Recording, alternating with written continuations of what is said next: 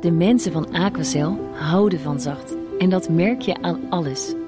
Dankzij hen hebben we nu echt zacht water en een kalkvrij huis. Voor hun klanten zijn ze zacht. Dat zijn ze trouwens ook voor elkaar. Voor ons zijn zij de kracht van zacht. Aquacel. 100% zacht water, 100% kalkvrij. Bij de Duitse verkiezingen heeft de SPD nipt gewonnen van CDU-CSU.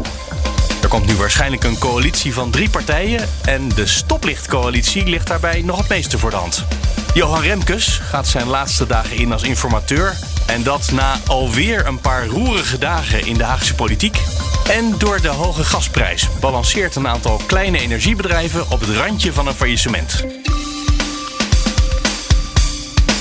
Dit is Nieuwsroom, de dagelijkse podcast van het Financiële Dagblad en BNR Nieuwsradio. Met het nieuws verteld door de journalisten zelf. Ik ben Mark Beekhuis en het is vandaag maandag 27 september. Oké, heb je de percentage uit je hoofd?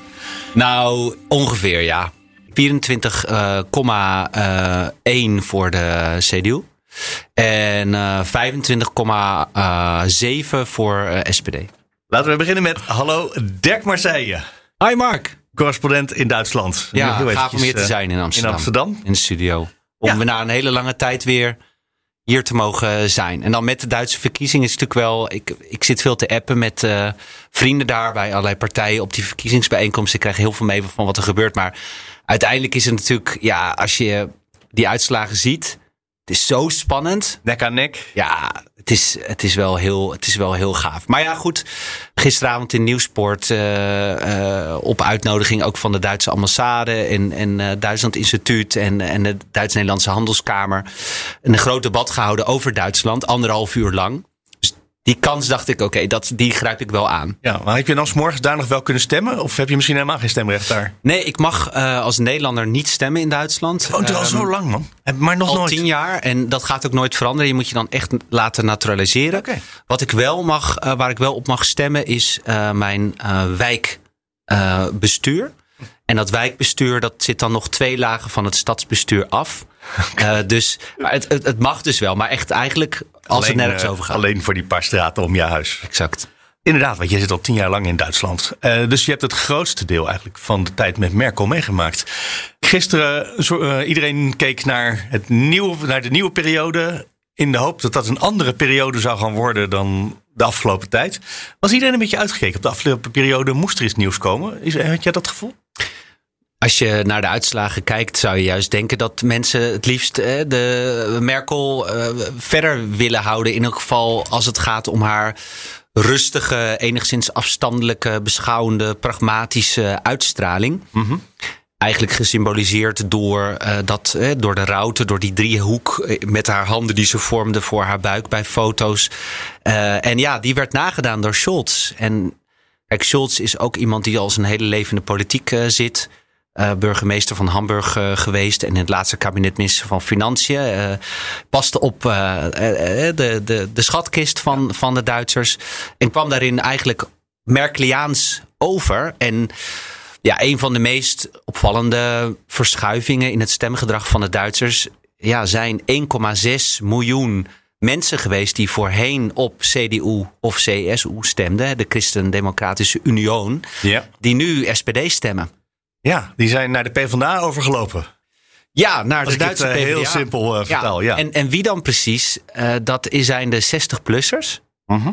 Ehm, ik, ik denk dat dat niet heel breed bekend is in Nederland, maar tijdens deze verkiezingen was meer dan 60% van de Duitse kiezers was ouder dan 60. Dus laat dat even indalen. Dat- betekent dus dat echt de oudere stemmer heel erg bepaald is geweest. En die zijn allemaal naar de SPD gegaan. Het is niet zo dat bijvoorbeeld eh, de, de 35 tot 45-jarigen ook op de SPD hebben gestemd. Die hebben allemaal groene gestemd. Ja, die het in sommige steden heel erg goed gedaan heeft. Maar de meeste partijen, en de meeste plekken natuurlijk niet. Want ze hebben 15% of zoiets van de stemmen. Ja, rond de 15 procent Ja. inderdaad. En eh, in grote steden hebben ze het goed gedaan. Maar ja, ook daar is het natuurlijk weer afhankelijk van vanuit welk, vanaf welk moment ga je het beoordelen. Ze stonden natuurlijk een tijd lang echt bovenaan en maakten kans op op de winst. Dus ze zijn ver teruggevallen. Tegelijkertijd Ehm, en daar gaan we het zo nog wel eventjes over hebben. Mogelijke coalitievorming. Ze zitten wel met dit aantal stemmen op een hele strategische plaats voor hen. Dus ze zullen waarschijnlijk in een nieuwe regering gaan plaatsnemen. En ook wel wat Daar hebben ze dan wel iets gewonnen, zeg maar. Een plek hebben ze gewonnen. Exact. En dat is ook wel best bijzonder voor de Groenen. Want eh, als je kijkt naar de geschiedenis, politieke geschiedenis van de Groenen. Er zitten natuurlijk heel veel activisten in die het, eh, het, in de protesten tegen de kernenergie begonnen zijn. En ook tegen het grote kapitaal uh, en tegen de politiek-bestuurlijke industriële elite in Duitsland ageren. Ja. ja, en daar gaan ze nu dan toch zelf deel van uitmaken. Ja, en dus Den is het wel gelukt. Terwijl Volt, hebben de kiesdrempel niet gehaald. Ja, maar mag ik dat ook heel eerlijk zeggen dat ik dat echt een enorme Nederlandse fixatie vind? Nou, dat is een partij die we nu kennen en die hebben jullie in Duitsland ook. En ik denk dat we hem daarom denken, oh wat leuk. dat, dat is, heeft echt geen enkele rol gespeeld in de Duitse verkiezingen. Ik vind het bijna te zonde om het er nu ook maar twee zinnen over te hebben. Want dit is een partij in opbouw. En voor Duitse begrippen is dit zo'n ver van mijn bed show. Ja. Uh, speelt echt geen enkele rol. Ik hoorde iemand in de afgelopen dagen, want ik heb natuurlijk, ik weet niet zoveel van Duitsland, maar ik heb wel best veel meegekregen, zoals denk ik iedereen die het nu zo'n beetje volgt, een paar zinnetjes zo opgevangen dat deze keer de mensen niet meer op een partij hebben gestemd, maar eigenlijk gekozen hebben voor mensen. En dat is een trend die in Nederland ook gaande is natuurlijk geweest in de afgelopen jaren. Is dat iets wat jij herkent? Dat is uh, zeker de belangrijkste conclusie van deze uitslagen. Uh, normaal waren in Duitsland, zeker de afgelopen 16 jaar onder Merkel, was het nou ja, CDU, CSU leidt, met wie gaan zij regeren? En altijd meer dan 30 procent, dus dan had je er vaak dus maar één nodig. Ja. Nou, nu zie je twee grote partijen die zo rond de 25 procent uh, gescoord hebben. En heb je dus automatisch een derde partij nodig dat is een versplintering van het Duitse politieke landschap. En daarmee heel erg vergelijkbaar met de rest van Europa. Maar er is natuurlijk één groot verschil. En dat is dat versplintering in andere Europese landen links-populistisch en rechtspopulistisch uh, was. Mhm. Terwijl je de liberale FDP en de Groenen, die dus met of SPD of CDU, CSU is mijn inschatting de nieuwe regering gaan vormen. Die twee smaken heb je ja. redelijkerwijs. Ik denk zelfs eigenlijk dat er nu maar één coalitie mogelijk is, namelijk SPD samen met uh, eh, FDP en, en, en met de Groenen. Dus dat zou dan een ampel eh, coalitie zijn. Dus, een stoplichtcoalitie in Goed Hollands. Ja. Maar dat, dat die partijen programmatisch gezien tot het midden zouden behoren in andere landen. Dus weliswaar een versplintering ook in Duitsland. Van twee naar drie partijen. Nou, hè, als je in een relatie bent met z'n tweeën en denk er maar eens over na. En dan opeens ga je een relatie met z'n drieën aan. Dat is natuurlijk ook al heel heftig. Ja? Maar tegelijkertijd, inhoudelijk gezien. je, kijkt, je zegt het, kijkt erbij alsof je dat meegemaakt hebt. Maar. Nou, dat is toch heel modern tegenwoordig om, uh, om Uh, aan allerlei vormen van relaties uh, te denken. Ik, ja, dat deed ik ook even nu. Ja, nou ja, ja. dus moet je maar nagaan opeens dat je dus met z'n drieën in een relatie zit. Dat, dat is dus een grote verandering. Maar kijk naar het sociaal-economisch. wel gewend, ook net in Duitsland, toch? Dus... Ja, maar weet je, het, het is dus echt, het, het is van 2 naar 3 is echt een grotere verandering getalsmatig dan dat niet één erbij. Het is ook aan complexiteit in onderhandelingen ja. echt wel een factor.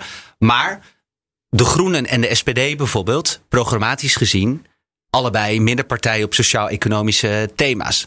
Belastingen zitten ze min of meer hetzelfde in. Visie op Europa zitten ze min of meer hetzelfde in. Dus dan moet je het alleen nog met de FDP dan eruit komen op punten bijvoorbeeld rond het corona-reddingsfonds. Uh, of dat permanent moet worden. Met daarmee heb je dan een bankenunie zou dus krijgen. Nou, bijvoorbeeld hier Nederlandse VVD en andere partijen zijn er moordekens tegen. He, dat is natuurlijk uh, ja. gemeenschappelijke van de schulden. In Duitsland ook niet per se, denk ik dan. Dus een versplintering, maar tegelijkertijd programmatisch inhoudelijk nog steeds wel een, een middenlandschap. Dat lijkt eigenlijk op wat uh, Mariette Hamer in Nederland beschreven heeft. Uh, al die partijen die zouden er op inhoud gewoon uit moeten kunnen komen. Geen enkel probleem. Dus ze willen niet persoons, uh, personen. Die persoonlijke verhouding in Duitsland. Speelt die een rol al op het ogenblik? Of is dat iets wat. Uh, waarvan ik, ja, nee, ze gaan er gewoon heel zakelijk met elkaar mee om straks. Ik denk dat de persoonlijke verhoudingen in de Duitse politiek. Um, altijd heel erg goed zijn geweest. Omdat ze gewoon gewend zijn om met minder partijen eruit te moeten komen. Dus je kunt jezelf niet permitteren om dan een slechte relatie te hebben. En een, een goede persoonlijke relatie in Duitse context is altijd zakelijk gezien heb je wat aan elkaar. En daarmee ga je op een hele rustige, beschaafde manier inhoudelijk met elkaar die relatie verder uitbouwen. En dan als het dan echt heel goed is, dan drink je na afloop ook nog wel eens een wijntje met elkaar. Maar dan is het al wel heel persoonlijk voor Duitse begrippen. Alleen dan wordt er een foto geplaatst van na zo'n lijsttrekkersdebat. In dit geval dat triel met de Groenen, uh, met de SPD en CDU en CSU. Dan staan ze samen aan een spreekgestoelte en bespreken ze na. Maar dat wordt dan al wel in Duitsland voor. Oh, wow. Dit is heel Dit gaat al wel heel ver. Ja. Dus, maar ze zullen allemaal zeggen: we hebben een uitstekende relatie met elkaar. Dus dat, dat zit absoluut niet in de weg. En dat laat een Duitser ook niet in de weg staan, want die weet gewoon: ik wil resultaat behalen, dus ik heb iedereen nodig in deze context. Ja, er was nog een overeenkomst die ik meende te zien tussen wat er in Duitsland gebeurde en wat er in Nederland gebeurde. Dat de verkiezingscampagne eigenlijk heel erg inhoudsloos was. En dat, het, dat zit ook natuurlijk in, we niet partijen, maar mensen. Maar dat er geen grote thema's waren. Dat hebben wij hier ook gehad. En onze echte verkiezingsdebatten zijn pas na de verkiezingen. Uh, over de formatie gegaan en uh, tijdens de onderhandelingen ineens naar buiten gekomen. Nou, dat is ten dele waar. Um, omdat bijvoorbeeld, neem een thema als Europa. He, SPD zegt heel duidelijk, uh, we willen van dat corona-reddingsfonds een permanent mechanisme maken om schulden vanuit het zuiden over te nemen uit solidariteit. Maar ook omdat we in Europa er samen uit moeten komen. Uh -huh. Omdat er grotere vragen zijn uh, dan Europa. Namelijk, hoe gaan we vanuit Europa met China, Rusland, uh, Verenigde Staten om? Hoe ziet onze industrie er over 30, 40 jaar uit? De vergroening voor de, uh, de groenen is natuurlijk een groot thema, digitalisering. Maar ondanks dat CDU, CSU daar tegen is en dat er ook staat: nee, dat is een eenmalige actie en doen we dat niet, hebben ze er toch gezamenlijk voor gekozen om dat niet te gaan debatteren. Waarom? Omdat uh, de CDU-CSU zo inschatten dat ze daar geen electoraal uh, winst uit, kun, uit konden halen. Ja. En dat is dan ook een reden waarom je dat niet in de verkiezingsdebatten terug gaat zien. Dat gaan we nu wel terugzien, natuurlijk in mogelijke uh, onderhandelingen. Dus het is soms ook gewoon bewust uh, gedaan. Ja, ja, dat is hier in Nederland natuurlijk niet anders geweest. Dat er nou ja, dat Mark Rutte tot drie keer toe met Geert Wilders is gaan debatteren. Terwijl hij uitgesloten had met de man in uh, te gaan regeren. Dat heeft te maken met kiezers uh, proberen te werven. En niet met uh, informatie over hoe je tegenover elkaar staat. Ja, dat, dat het daardoor vlakker is gebleven, ook in Duitsland, is, is, is absoluut waar. tegelijkertijd de persoonlijke aanvallen ja, in, in dit geval Laschet viel Scholz er heel erg op aan op het Wirecard-schandaal. Uh, en hè, er werden invallen gedaan in zijn ministerie tijdens de verkiezingscampagne. Ja. Moet je nagaan dat dus dat helemaal geen invloed heeft gehad op de uitslag uiteindelijk. Dat is eigenlijk raar. En, en daarmee zie je dus ook wel dat. dat um, dat ook ja, dat persoonlijke, uh, het is geprobeerd, maar ik denk dat dat, ik denk dat dat echt uitzonderlijk nu was, gezien de benarde positie waarin Laschet zat als CDU-CSU-leider. Echt profiel moest opbouwen als iemand die ook in de aanval kan gaan en niet alleen maar boven de partij kan zweven. Want ja, daar was Scholz uiteindelijk gewoon veel beter in om uh, zo over te komen.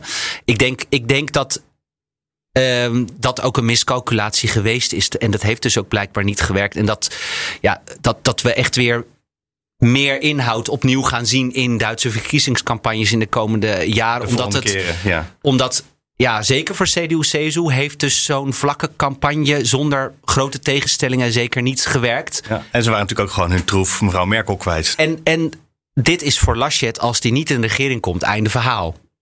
Dus die verdwijnt Ja. al van het Duitse politieke toneel. En hij is gewoon geen goede campaigner geweest. Hij heeft ook te langzaam geleerd. Je hebt ook gezien, hij stond te lachen op de achtergrond. Terwijl de bondspresident in het overstromingsgebied een toespraak hield.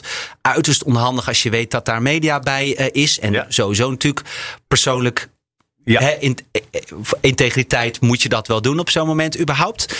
Ehm, en hij heeft wat dat betreft dus een, ja, een, een, een, een, een, een slechte persoonlijke campagne gevoerd. Mensen vertrouwden hem niet. Maar ik moet wel ter verdediging van hem zeggen... hij heeft natuurlijk ook heel lang intern in zijn partij moeten knokken... om het van de Zuid-Duitse Zeuder, te winnen.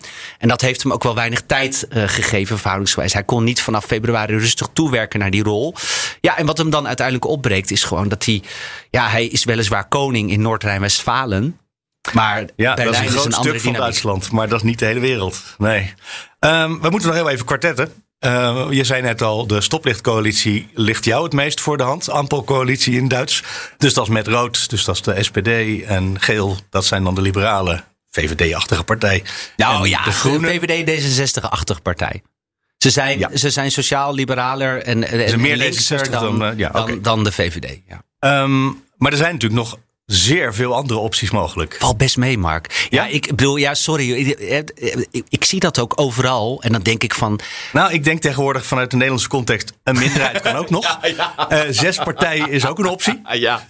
Er wordt in Duitsland ook toch een hele lange formatie. Die, ja, uh, maar we hoeven toch niet zo bang te zijn om gewoon een uitspraak te doen over wat voor de hand ligt. Want je weet al dat uh, CSU, de CDU en de SPD die willen helemaal niet meer samen. Dus ja, dan kan je ook al twee opties wegstrepen. Namelijk dan met of FDP of Groene. Dat hebben allemaal allebei gezegd, willen we niet meer. Dus dat is niet logisch. dat is rood, rood, groen kan, kan getalsmatig al genees meer.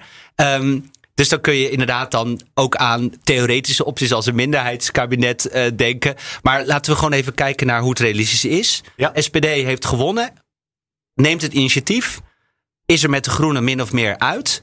Ja, FDP, dat worden pittige onderhandelingen de komende maanden. Ja, dat is grappig. Want als ik dan toch nog heel even de Nederlandse link erbij haal. Het is Sigrid Kaag die steeds, dus zeg maar die gele partij, uh, die steeds rood en groen, de PvdA en GroenLinks bij de coalitie wil hebben. Dus dat daar dan in Duitsland een grote brug is die uh, overbrugd moet worden. Terwijl hier dat al dicht bij elkaar wordt ja, gezien. Ik, ik, snap, ik snap nu, nu de achtergrond van de vraag. Maar kijk, je, je hebt het over één partij, een SPD of een Groene of een FDP. Maar in Duitsland zijn die partijen natuurlijk zoveel groter dan in Nederland. Dus je hebt binnen die partijen allerlei vleugels. Oh ja, dus dat betekent op het moment dat die, dat die gaan onderhandelen, dan ga je, daar ga je er ook al heel veel discussie is, is er aan vooraf gegaan.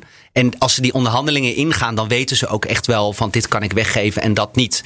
Dus wat, ne wat, in Nederland tussen partijen eerst onderling moet gebeuren, is in Duitsland al binnenin partijen gebeurd. En daarmee efficiënter en ook in een veilige omgeving minder kans op gezichtsverlies.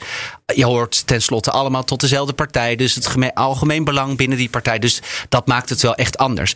En kijk, voor de FDP in een SPD-groenen kabinet is het ook wel scoren. Want ze hebben een hele cruciale rol daarin. Mhm. Kunnen minister van Financiën bijvoorbeeld die post opeisen. Kunnen ook zeggen, nou, dat permanent maken van het corona-reddingsfonds, dat is een no-go uh, voor ons. Nou ja, dan moeten zij bijvoorbeeld accepteren dat de topbelastingen in Duitsland omhoog gaan. En dat bijvoorbeeld de industrie uh, uh, veel meer moet gaan betalen voor de opvang van, van CO2. maar dat zijn allemaal wel mogelijke uitruilen. En, en Scholz is binnen die SPD, binnen die partij ook wel iemand die tot de rechterflank behoort. Dus dat is voor de FDP dan ook al fijner. En in een Jamaica-coalitie. Dus dat zou dan, dan toch CDU-CSU de leiding nemen met Groen en FDP. CDU, CSU heeft verloren. Dus dat is al eigenlijk dan mhm. niet zo uh, prettig.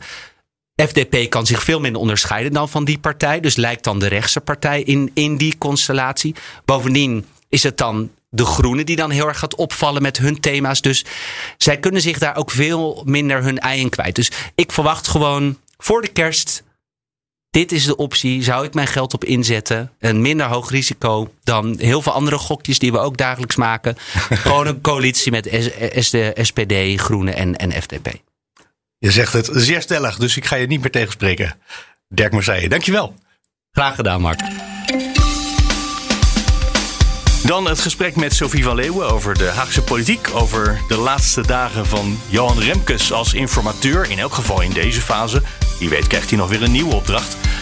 En voor je daarna gaat luisteren is er één ding dat je nog even moet weten. Dat is namelijk dat Mona Keizer inmiddels heeft besloten om de politiek te verlaten na haar ontslag als staatssecretaris. Ze zat natuurlijk nog wel in de CDA-fractie in de Tweede Kamer. En daar zou ze kunnen blijven zitten als lid van het CDA of als eenmansfractie of misschien wel samen met Pieter Omtzigt. Er waren vele scenario's mogelijk, maar het is er nu eentje geworden. Ze verlaat de landelijke politiek. Het verandert eigenlijk niks aan het gesprek wat Sophie en ik hebben opgenomen. Maar het zou wel gek zijn als we het zouden hebben weggelaten. Dus vandaar. Hallo, Sophie van Leeuwen van BNR Nieuwsradio. Hey, hallo Mark. Ik heb op mijn eh, lijstje met vragen eigenlijk geen vragen geschreven nu, maar eigenlijk alleen maar drie namen. Uh, Keizer Kaag Remkes. Dan heb je meteen uh, mijn hele draaiboekje klaar liggen. Want van het weekend werden we twee keer. Namen. Van het weekend werden we twee keer opgeschrikt door nieuws. En vandaag gaan we verder met die derde naam. Hè? Ik las voor het weekend dat meneer Remkes vandaag conclusies wil trekken. Zou het nou, kunnen vandaag? Deze week. Deze week, ja, misschien komen dus ze er vandaag al uit. Als het aan Kaag ligt wel. Maar uh, in de loop van de week moet hij dan een conclusie trekken. Wil hij een conclusie trekken over een minderheidskabinet, ja of nee? Maar ja, eigenlijk zeg je, zie je dus gisteren al dat uh, Kaag een minderheidskabinet blokkeert. Dat is interessant, hè? Ze zegt in, het, uh, in haar speech: ik hef de blokkade op. Maar volgens mij blokkeert ze ook een minderheidskabinet. En, en daar we gisteren het in de speech, over hebben. In de speech gisteren zei eh, Sigrid Kaag van D66: wij heffen de blokkade voor de ChristenUnie op. Um, ik vroeg mij af of dat echt het opheffen van de blokkade was in zichzelf al. Want ik had begrepen dat ze nu in één keer toch weer zes partijen voor de coalitie voorstelde. En dat had ze als eerder voorgesteld en dat was afgewezen door het CDA. Dus was het echt iets wat. Was, dat, was het nieuw? Was het een verandering? Nee, die zes partijen was niet nieuw. Dat heeft ze al volgens mij al twee keer geroepen of zo. Ook toen wij daar stonden bij dat, bij dat dranghek. Maar een van die zes is altijd dan de ChristenUnie geweest. Dus dan is het eigenlijk gewoon een, uh, een voor de buren zinnetje. Ik hef de eh, ChristenUnie blokkade op. Nou, weet je, als je die zes partijen hebt, dan heb je dus met de ChristenUnie erbij. Dan heb je eigenlijk vier best wel links-progressieve partijen. En VVD, VVD en CDA. Dus dat is iets wat, wat die linkerflank natuurlijk heel graag wil. Dat is een wolk van linkse partijen. Dat is pas een wolk van linkse partijen. en ja, ik denk niet dat, dat Rutte en Hoekstra daar, daarvoor gaan tekenen. Dus ja, dat, dat, dat nu dat, een soort van de blokkade opheffen en de, een nieuwe oplossing, dat, dat is dat denk ik niet. Het is wel zo dat je natuurlijk vorige week in de algemene politieke beschouwingen hebt gezien dat die zes partijen op heel veel vlakken eens zijn en, en wel degelijk zaken met elkaar kunnen doen. En eh, dat is natuurlijk wel een argument om te zeggen, jongens met z'n zes aan tafel. Maar goed, eigenlijk eh, hoor je hoor je eh, haar ook wel zeggen: ik hef de blokkade op. Uh, de blokkade jegens ChristenUnie Gert-Jan Segers als uiterste optie, die, die is nu ook wel een beetje weg. En, en dat is iets waarvan ik denk, ja, jullie zijn het al die jaren over zoveel zaken eens geweest over hè, de kinderen in Moria, dat je de klimaatdeals, migratie. Jullie zijn eigenlijk uh, stonden met z'n tweeën tegenover VVD en CDA in dat kabinet. Dus nogal logisch dat je, uh, dat je met elkaar in zee kunt. Dat is eigenlijk een, eh, een optie die, uh, waar we het al een half jaar over hebben. Hè? Mm -hmm. Want uiteindelijk kom je links of rechtsom altijd weer uit bij Gert-Jan Segers van de ChristenUnie. Ja, en, en als ik even terugdenk Vlak na de verkiezingen was het natuurlijk wel Segers die zei: voorlopig zijn we even niet aan de beurt. Uh, we hoeven niet zo nodig bovendien, want het is best zwaar voor zo'n kleine fractie om mee te regeren. Uh, de, Christ, uh, de ChristenUnie vond het ook vervelend dat D66 ze eigenlijk niet per se wilde hebben. Daar hadden ze zich de vorige keer uiteindelijk met z'n tweetjes wel overheen gezet. Maar dat moesten ze dan nu weer opnieuw doen. Dus ik kan me wel voorstellen dat ze allebei dachten, zowel D66 als ChristenUnie... nee, dit is niet het moment dat we daar verder mee gaan. Maar misschien nu toch, maar dan is het nou de soort minimale voorwaarden van D66 om, als dan de ChristenUnie erbij komt, om dan toch ook allebei PvdA en GroenLinks erbij te vragen? Ja, maar goed, dat, dat, dat is iets waar VVD en CDA denk ik gewoon echt niet voor gaan tekenen. Nee, maar andersom hebben ze ook voorwaarden waar D66 niet voor gaat tekenen. Dus dat, dat is nog weer de volgende vraag. Maar is het, hoe, hoe hard zit nu D66 in de wedstrijd? Want ze hebben het gisteren naar buiten gebracht. Dames en heren, wij wij heffen onze blokkade voor de ChristenUnie op. Ook al dat, daar misschien niet, heel, is dat misschien niet helemaal letterlijk waar. Is, heeft dat, is er nu iets veranderd in de situatie? Of is eigenlijk gewoon er niks veranderd? En moet meneer Remkes vandaag toch gewoon antwoord geven op de vraag op een minderheidskabinet? Nou, ik denk dus dat nu dat antwoord is: hè, D66 wil geen minderheidskabinet. Streep door het minderheidskabinet. Mm Dus hè, dat is één. En, en, en ten tweede zie je dat Kaag eigenlijk het argument gebruikt van: hè, eh, ik sta boven de partijen. Eh, eh, ik vind het, het is politiek niet handig wat ik nu ga zeggen. Maar ik denk dat het, het verstandig is om, om te bewegen. het is het juiste om te doen. Zo kennen we Kaag. Hè? Dus een beetje een soort van mm moreel boven die andere partijen van Hoekstra en Rutte gaan hangen. Van ik maak die beweging. Ik ze maakt niet dus echt een beweging. Hè? Dat is toch wel belangrijk. Want je, je herhaalt, je citeert nou, haar nu. Maar ze beweegt niet echt. Nee, op, op een aantal punten niet. Niet op zes partijen. Hè? Uh, en ook, Waar dan wel? Ook niet op uh, de minderheidskabinet dat ze eigenlijk aan het blokkeren is. Maar zij heeft ook uh, gebeld, hè, hebben we begrepen, afgelopen weekend denk ik, met Gert-Jan Segers. En die twee hebben een heel goed gesprek gehad. Ook over uh, haar naar huis toe of haar aftreden als minister van Buitenlandse Zaken.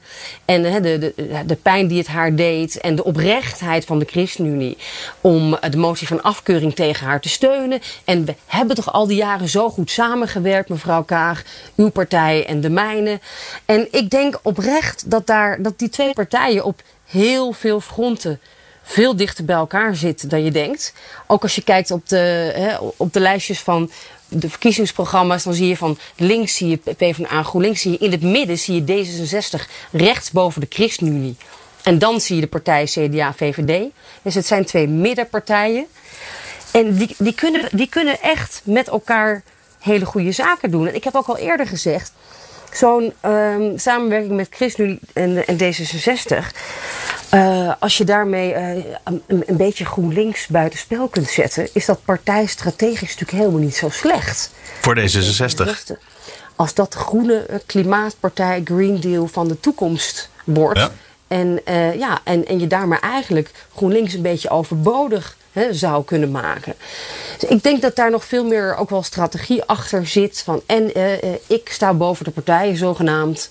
En dat het eigenlijk helemaal niet zo heel erg is om met zegers te regeren. Om de grote problemen op te lossen. En dat hele voltooid leven. Persoonlijk denk ik dat Kagen, dat is ook een, een bekend katholiek. Dat voltooid leven helemaal niet per se haar, haar eigen stokpaardje is. Dat is niet iets waar, denk ik, zij nou ontzettend aan hangt. Nee. Het is voor D66 belangrijk, maar in de problemen uh, en de situatie waar we nu zitten. Dat zie je ook in de publieke opinie. Daar word je ook op afgerekend. Ga je nou hè, de woningmarkt, uh, et cetera, ga je dat allemaal niet oplossen vanwege voltooid leven? Dat vinden heel veel mensen gewoon niet, niet uit te leggen. Er is nog een andere optie. Als we even meegaan in de opdracht die uh, meneer Remkes heeft meegekregen. Want die moet inderdaad uitspraak doen over of en zo ja welke minderheidscoalitie er uh, onderzocht kan gaan worden. Er is natuurlijk een optie dat, het, dat D66 helemaal niet meedoet. Hè? En dat het gewoon puur VVD CDA wordt. En daar is dan die andere naam van mijn uh, to-do-lijstje voor relevant. Want natuurlijk, mevrouw Keizer is nu uit de regering gezet namens het CDA. Dat maakt dat, nou, als je het een beetje van buitenaf bekijkt, dat het CDA nog weer een stapje minder stabiel oogt. Is dat nog een optie ja. überhaupt? Uh, dat, dat je een soort ja, VVD-CDA-regering hebt en dat D66 in de oppositie gaat zitten? Het lijkt mij uh, onwaarschijnlijk. En ik denk dat je gelijk hebt dat het CDA dus een, nog onstabieler lijkt te zijn geworden deze week, het afgelopen weekend. Vanmiddag dan gaan uh, toch weer Rutte, Kaag en Hoekstra bij meneer Remkes uh, langs. En dan is het een laatste gesprek waarin ze moeten zeggen: Oké, we zijn eruit? Of uh, hoe, uh, wat is de, hoe, hoe zal dat verlopen? Nou, ze hebben nog een paar dagen. Ja, ik denk toch dat dat dan weer niet zo heel gezellig is. Denk jij niet? Oh, zo'n kaag die met een, weer een bommetje komt in het weekend. En dan stekker uit het minderheidskabinet trekt in feite. Um, en dan weer roept de zes partijen waar, waarvan ze weet dat die andere twee er niet op zitten te wachten. Nou, daar zeg je nog iets. Want de opdracht aan Remkes is natuurlijk ook onderzoek een minderheidskabinet. Maar kan de man, als hij zegt. Uh, ik heb daarna gekeken, dat we gaat het niet worden, want uh, D66 ziet dat niet zitten. Maar ik ben erachter dat een zespartijencoalitie uh, toch wel erin zit. Is, is, kan die daarmee terugkomen of doet hij dan iets wat niet mag? Nou, kijk, uh, nee, ja, dat is dan eigenlijk weer aan de volgende fase. Dus hij moet dan tegen de Tweede Kamer zeggen van dit is mislukt. Als, dat, als, het, als het mislukt. En dan uh, moet de Tweede Kamer hem een opdracht geven om dan hè, verder weer te kijken. Zo is dat dan procedure, procedureel. Ja, maar het zou maar, natuurlijk heel stom zijn als hij het nu al door heeft dat hij dat niet op, de, op papier mag zetten voor de Kamer. Maar misschien worden die gesprekken wel gevoerd. Hè? Dat denk ik wel vandaag achter de schermen. Van wat is dan het alternatief? Ja. En of gaan we dan eerst met zes partijen praten voor, voor de bühne. En dan daarna toch met Gert-Jan Segers van de ChristenUnie. Maar ik denk ook nog wel dat hij de vraag zal stellen aan Hoekstra. Hoe stabiel is uw partij? Want het is wel heel leuk om hè, het voor te sorteren op een, uh, een tweede rondje met ChristenUnie erbij. Maar ja, als jij dan al snel richting de 76 of 75 zetels beweegt is dat natuurlijk ook geen stabiel bestuur. En dan heb je toch weer de steun van GroenLinks en PvdA nodig. Die, uh, die peperduur is, hebben we afgelopen week gezien. Hè? Dat uh, toch 2 miljard voor een akkoord. Constructief debat. Maar ja, ja. ja, het is ook wel misschien democratisch. Daar kun je veel, veel kun je verdedigen, ja. Maar, dan, maar goed, dan, dan, en dan zit je dus alsnog met een minderheidskabinet. Snap je? Dan ga je dus zeg je, nou, dan gaan we dus voor een meerderheidskabinet. Want we willen niet met zes partijen. En dan, voor je het weet, zit je alsnog in een minderheidskabinet. En word je weer gegijzeld door uh, de linkse oppositie.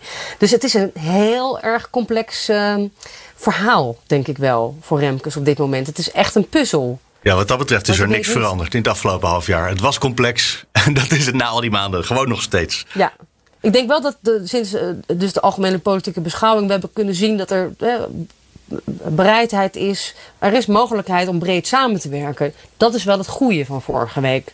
Dus we zijn allemaal voor het afschaffen van het leenstelsel. En, en, en, dat de bedrijven toch moeten betalen voor de zorgsalarissen. Ja, daar worden ze het wel over eens. Dus dat, om met, met een beetje sprankje hoop te eindigen. Heel goed. Het is natuurlijk niet helemaal onmogelijk om met elkaar dit land te gaan besturen. Dus uh, ja, go for it zou ik zeggen. Ik ga niets meer vragen, want dit was een opgewekt einde. En beter dan dit kan het niet worden, Sophie van Leeuwen. Dankjewel, Mark. Spannend. Dankjewel, Sophie. Hallo, Karel Grol van het Financieel Dagblad. Uh, goedemorgen, Mark. We gaan het hebben over kleinere Nederlandse energiebedrijven die ineens in de knel komen door de hoge gasprijzen.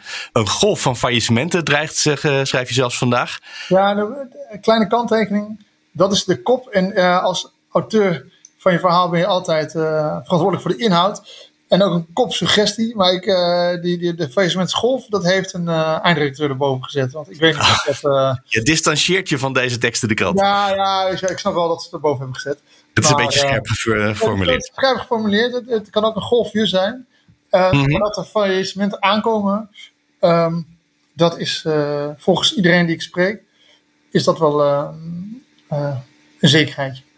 Want hoeveel van dit soort bedrijven zijn er? Kleine energiebedrijven die in gas handelen voor, ik denk dan bedrijven of zo? dat soort dingen, ja. ja Nederland heeft ehm, volgens mij, als je op, ik heb wel eens gekeken via zo'n prijsvergelijker, heeft Nederland wel 60 energiemaatschappijen. Je jij en ik kennen er, uh, of de, de, gemiddelde, de, de, gemiddelde Nederlander kent er een stuk of vijf, misschien acht als je een beetje mee zit. Maar je hebt dus de grote partijen, Essent, Nuon en Vattenfall, dat, dat zijn nog steeds de grootste. Daaronder heb je iets van budget energie en dan hebben Essent en, en uh, Eneco hebben ook allemaal nog weer submerken. En daaronder heb je echt een hele reeks uh, kleinere partijen die hebben, ja, die hebben zelf helemaal niks. Ze hebben geen opwekcapaciteit. Maar die kopen in en die verkopen door. En dat is hun handel. Gashandelaar eigenlijk. Ja, gas- en elektriciteitshandelaar. En dat zijn, uh, ja, dat zijn echt tientallen. En uh, uh, van heel klein tot iets groter. En waarom zijn nou juist dat soort bedrijven zo kwetsbaar op het ogenblik voor die ja, hoge gasprijs? Ze hebben een aantal, aantal dingen. ze, zijn, ze zijn al vrij, het zijn gewoon kleine bedrijven. Dus ze hebben, zijn enigszins wankel in hun financiering. Ze hebben geen of weinig reserves en buffers. En het kan zijn dat ze hun risico's niet goed hebben afgedikt. En daarmee bedoel ik dat als jij, het wordt een beetje technisch, maar als je een contract, een klant een contract geeft voor een jaar of voor, voor drie jaar. Dan is het ook handig als je dat gas hebt gecontracteerd voor een jaar en drie jaar. En dat hebben die bedrijven niet allemaal. En dat is niet erg, tenminste niet erg, dat is natuurlijk een beetje uh, gokken, een beetje riskant. Maar in een gewone, tussen haattekens, gewone markt is het nog wel te doen. Alleen op dit moment is, uh, als je uh, per maand je gas inkoopt en je hebt een uh, jaarcontract voor, weet ik veel, je betaalt 50 euro als consument, mm-hmm. alleen voor je gasdeel. Maar het, op de gasmarkt is het 60 euro of 80 euro. Ja, dan ga je als bedrijf natuurlijk, dan loop je achteruit. En dat is wat er op dit moment gebeurt. Ja, eigenlijk wat er bij deze bedrijven gebeurt, wat mijn energiebedrijf altijd uh, probeert, of tenminste met enige regelmaat. Die zeggen dan, meneer Beekhuis, u betaalt nu per maand, maar wilt u niet voor mij in één keer een, een bedrag vastleggen voor drie jaar of zoiets? En dan, exact. En dan gaat er meteen een enorme uh, opslag bij, denk ik altijd. Want dat, dat risico gaan ze afdekken, dat misschien de prijs in de toekomst omhoog gaat. Ja, ja, ja. En dat hebben dus deze, deze kleinere bedrijven niet allemaal goed gedaan. Dus dit zijn eigenlijk bedrijven die op het scherpst van de snede handelen. Ja, ja, exact. Dat maakt het risicovol. Is dit uh, gewoon eigen schuld, dikke bult dat het nu gebeurt? Uh, of gewoon hoort bij, deze, bij dit soort uh, handel, dit soort markten? Of is er toch meer aan de hand? Ik denk, nou ja, dat is een beetje een filosofische vraag bijna. nee, ik denk, het, het grote deel is eigen schuld, dikke bult. Zij zijn gewoon, als je riskant handelt, dan is gaat dat af en toe mis. Dan gaat het gewoon af en toe mis. De vraag is alleen, moet je dit willen? maar ik denk dat um, die vraag is een beetje um, achterhaald. Want we hebben we, Nederland heeft de markt, zijn elektriciteitsmarkt, energiemarkt hebben ze geliberaliseerd. Dus ja, dan hoort dit er gewoon een beetje bij, denk ik. Uh, krijg, ja, dit krijg je erbij. Mensen kunnen gewoon handelen, dus dan gaan ze dat ook doen. Dat is het. Eh, dat denk ik. En dit kan je wel niet goed vinden, of daar kun je een mening over hebben. Uh, mm -hmm. En misschien moet daar wel harder op worden gehandhaafd. Maar ja, het is ook gewoon, ja, als je een markt hebt, dan gaat af en toe valt er iets ja. Dus het is, en de prijzen die er nu zijn, zijn zo onwaarschijnlijk. Dat, ja, dat kan je misschien het bedrijf ook niet allemaal even kwalijk nemen. En nee, dat, want dat, daar stapte ik even overheen. Omdat er natuurlijk de afgelopen weken heel veel over de gasprijs gepraat is. Ja. Die is extreem hoog. Ja, die is, maar wat is die op het ogenblik? Jij zei 80 euro per ja, watt? Nee, eerlijk gezegd, de, de, laatste prijzen weet ik ook niet, niet uit mijn hoofd. Maar ik weet wel dat het in, in een jaar verviervoudigd is. Dus, okay. uh, dus als het 80 is, dan was het een jaar geleden was het uh, 20. Zoiets, ja. Ja, dat is ook iets waar je misschien geen rekening mee gaat houden dan. Nee, nee. Er zijn ook geen. Uh, het is niet dat dit bij Eneco gebeurt, hè? Of bij de, de, de, dat soort partijen. Dus het is wel. Het gebeurt bij hele kleine. Het gebeurt aan de onderkant van de markt. Ja, daar beweegt het. En daar is het. dat zijn, de, het zijn toch een beetje. Ja, echt kleine partijen. Ja, want hoe, wat is de reden dat die grote dit uh, ja, die hebben gewoon doorstaan? Hebben die gewoon meer voorraden, langere termijn contracten, gewoon betere inkopers misschien? Risicomanagement, allerlei dingen waardoor zij, die rennen het wel. Overigens kan het daar ook, betekent, zeg niet dat uh, die grote bedrijven gevrijwaard zijn hè? Uh, van risico. Dus of dat, dat zij helemaal immuun zijn voor deze dingen. Zij kunnen ook scheef zitten als de winter kouder of warmer is. Dan zij moeten natuurlijk ook een soort voorspelling doen over hoeveel gas ze nodig hebben en hoeveel stroom. Ja, als wij een hele koude winter hebben, dan zou het best eens slecht kunnen zijn in elk geval voor het rendement van die grote bedrijven. Ja, ja, ja precies. precies. Ook in de coronacrisis heb ik een keer bij Essent gezeten. Uh, of het begin van corona, een ruim een jaar geleden. En die zeiden ook van ja, er is veel minder gas gebruikt toen dan Essent had gedacht. Dus die hebben gasposities, zo noem je dat, gasposities, gasvoorraden ja. uiteindelijk maar ze moeten verkopen die ze over hadden. Nou, daar hebben ze verlies op geleden. Tegen bodemprijzen. Ja, daar hebben ze verlies op geleden. Dus uh, dat soort bedrijven kunnen ook, daar gaat het, het gaat natuurlijk heel wild. En het gaat met grote bedrijven. Alleen dan weet je dat je gewoon een enorme moeder achter je hebt. Of een enorm, ja, weet je, uh, een groot Duitse bedrijf zit erachter. Uh, Vattenfall is natuurlijk gewoon een groot Zweeds bedrijf. Uh, Ineco is nu van Mitsubishi. Dus die, kunnen, die hebben gewoon wel buffers. En dat hebben die kleintjes niet. Dus ja, dan is het. En als je dan. Uh, als het geld eruit lekt of eruit spuit. dan ben je gewoon even kansloos. Ja, als je nou een, een contract hebt gesloten met zo'n klein bedrijfje. en stel je voor dat dat omvalt. Want dat is in België en in Groot-Brittannië al gebeurd, uh, lees ik. In, in Groot-Brittannië, daar heb ik begrepen dat dan mensen echt zonder stroom en gas en ja, precies, want die prijzen zijn natuurlijk zo hoog omdat er geen gas op het ogenblik beschikbaar is. Er, zijn, er is schaarste. Dus als je nu als bedrijf zo'n zo'n uh, klant bent van zo'n uh, zo'n energieleverancier, heb je dan gewoon pech? Krijg je dan gewoon geen, uh, geen gas het komend half jaar? nee, nee, je kan altijd overstappen. Nee, ja? nee, wacht even. Maar nemen ze daar klanten aan? Want als er schaarste is, nou ja, dan ga je geen nieuwe klanten werven. De, de, de, vorige keren um, was er, wat zijn een stuk of vijf energiemaatschappijtjes uh, verleden um, failliet gegaan of zijn ook opgegeven of zo in het, uh, de afgelopen 15 jaar. Dus het, het is vaak gebeurd. Um, heb je een soort, uh, wat er met de banken gebeurde na DSB, een soort depositogarantiestelsel. Of het wordt opgekocht door een, uh, door een andere partij, of het wordt gewoon uitgesmeerd over die andere partij volgens mij. Dus die, die klanten die zijn geen, hebben geen dag zonder gas en licht gezeten. Het is alleen heel vervelend. Uh, want ja, het is gewoon gedoe. Maar het is niet zo. Ja, het begint er natuurlijk mee dat je een goedkoop contract had gesloten waarschijnlijk. En dat je nu naar een duurdere leverancier door moet. Ja, maar dat moet iedereen. Want uh, de, uh, iedereen die overstapt, die uh, of een nieuw contract heeft, bedoel, de, de energieprijzen gaan gewoon door het dak. Dus, Jawel. eh, als Je had een contract voor drie jaar gesloten met dat kleine energiebedrijfje tegen een, eh, tegen, tegen een nu onrealistisch laag tarief. Daar was je heel blij mee. Ja, ja, En ineens ga je naar vier keer zoveel. Ja, nee eens. Dat is, eh, dus dat is, ja, dat is inderdaad wat je net zei. Dat is gewoon heel vervelend voor heel veel bedrijven. Ja, is heel veel, heel veel bedrijven, heel veel huishoudens. Daar, ben je, daar heb je gewoon geen, daar zit je niet op te wachten. En, en het is misschien rompslomp en er komen misschien extra rekeningen en je zit gewoon in onzekerheid. Ja, nou je zegt huishoudens nu. Dat zal toch eh, niet heel veel huishoudens treffen dat ze bij zo'n bij een van die 60 kleine bedrijfjes hun eh, energie inkopen. Eh, ik zou dat, die stelling, eh, zou ik niet voor mijn rekening durven nemen. Nee, er zijn er heel veel energiebewuste mensen rekening.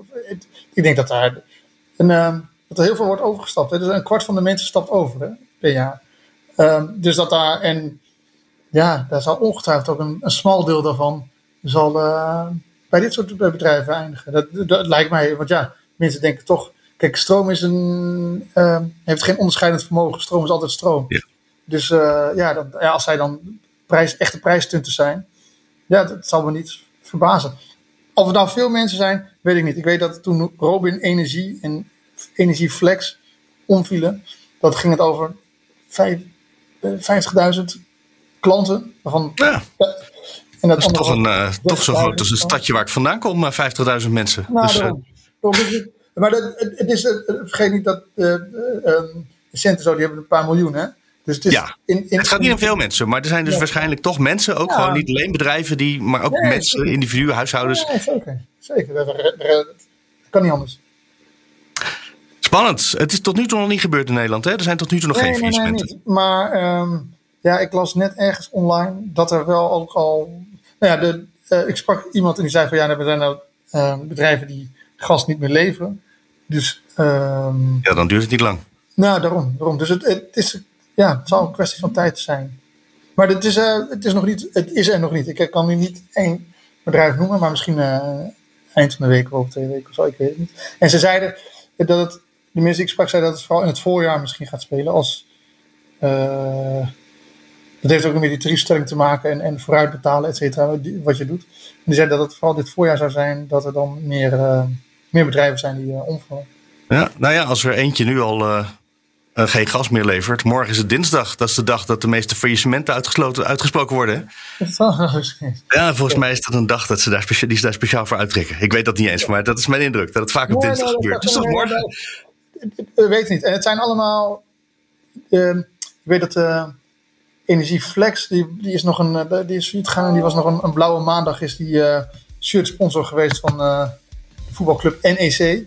Dus het zijn allemaal, het zijn allemaal hele kleine bedrijven waar, wij, waar heel veel mensen ook niet van hebben gehoord. Want Trianel is um, die gaan aan Oro Energie en, en, en zoiets. Ja, dat weet je wel. Dat weet de, de gemiddelde persoon weet dat niet. Dus het, het, het, blijft vooralsnog beperkt aan de onderkant van de markt. Maar ja, je weet het niet.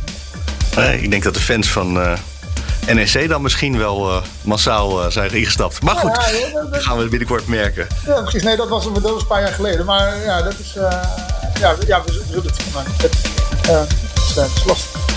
Karel Grol, dankjewel. Ja, ja, ook. En zo komen we aan het einde van Nieuwsroom voor vandaag. Je weet, je vindt de show notes op bnr.nl slash. En je kan altijd mailen naar nieuwsroom.fd.nl of nieuwsroom.bnr.nl. Heel graag tot morgen.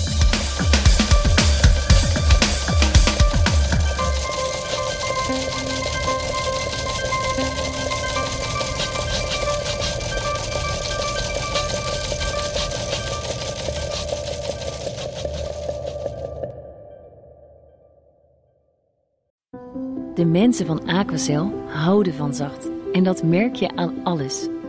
Dankzij hen hebben we nu echt zacht water en een kalkvrij huis. Voor hun klanten zijn ze zacht. Dat zijn ze trouwens ook voor elkaar. Voor ons zijn zij de kracht van zacht. Aquacel. 100% zacht water, 100% kalkvrij.